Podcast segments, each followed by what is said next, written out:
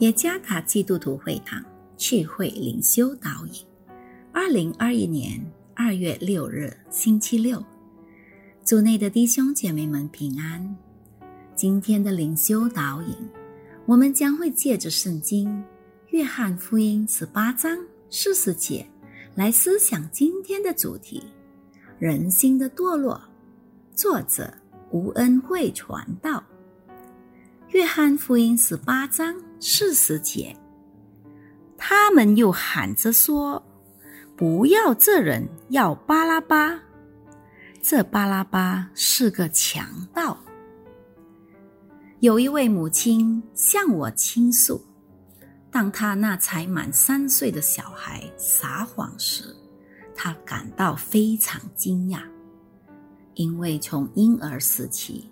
从来没有人教过他如何撒谎。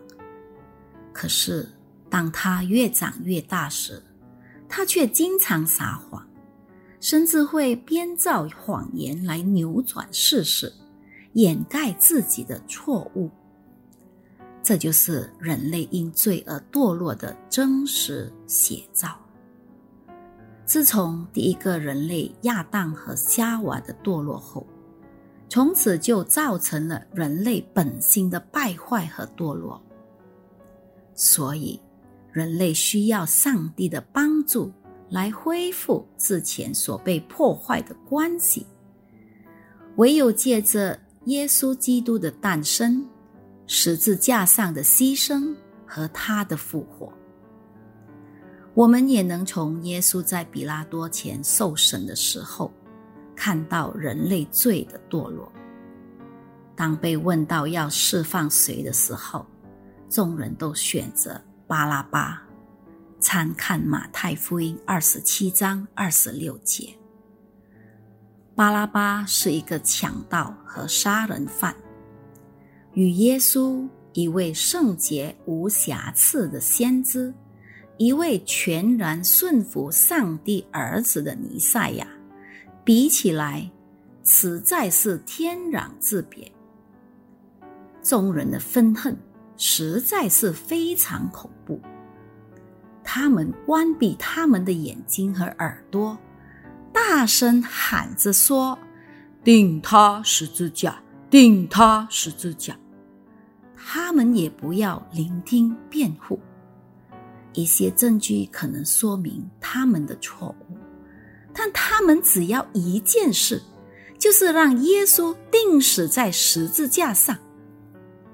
人类就是那么的败坏，舌头充满诡诈，嘴巴满口都是咒骂苦毒，脚飞跑经过杀人流血的路。他们眼中根本就不怕上帝，也不敬畏上帝。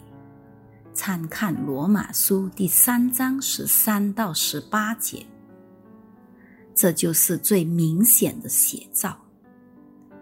在耶路撒冷城里的上帝子民以色列人，却要求外邦人的王来把以色列的王，就是大卫王的儿子，钉死在十字架上。他们的话语和语气。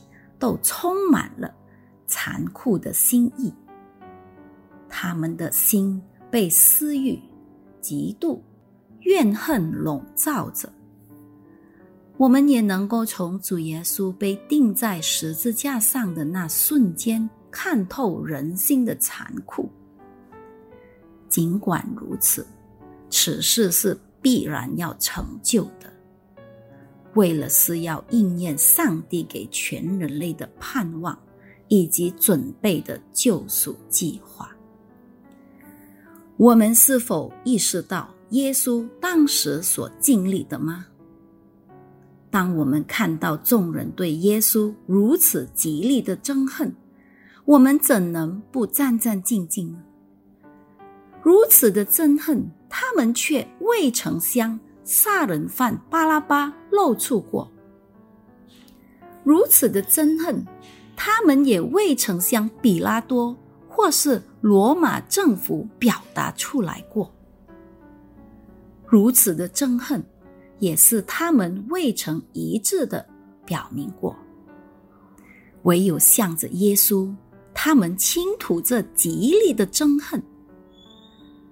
我们是否醒悟到上帝在赦免谁呢？上帝一直以来对谁不厌其烦呢？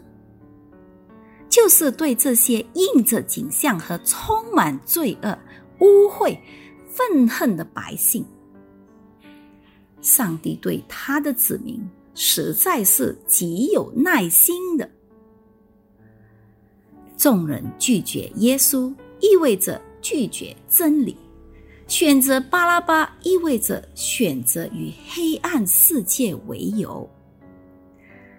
愿上帝赐福于大家。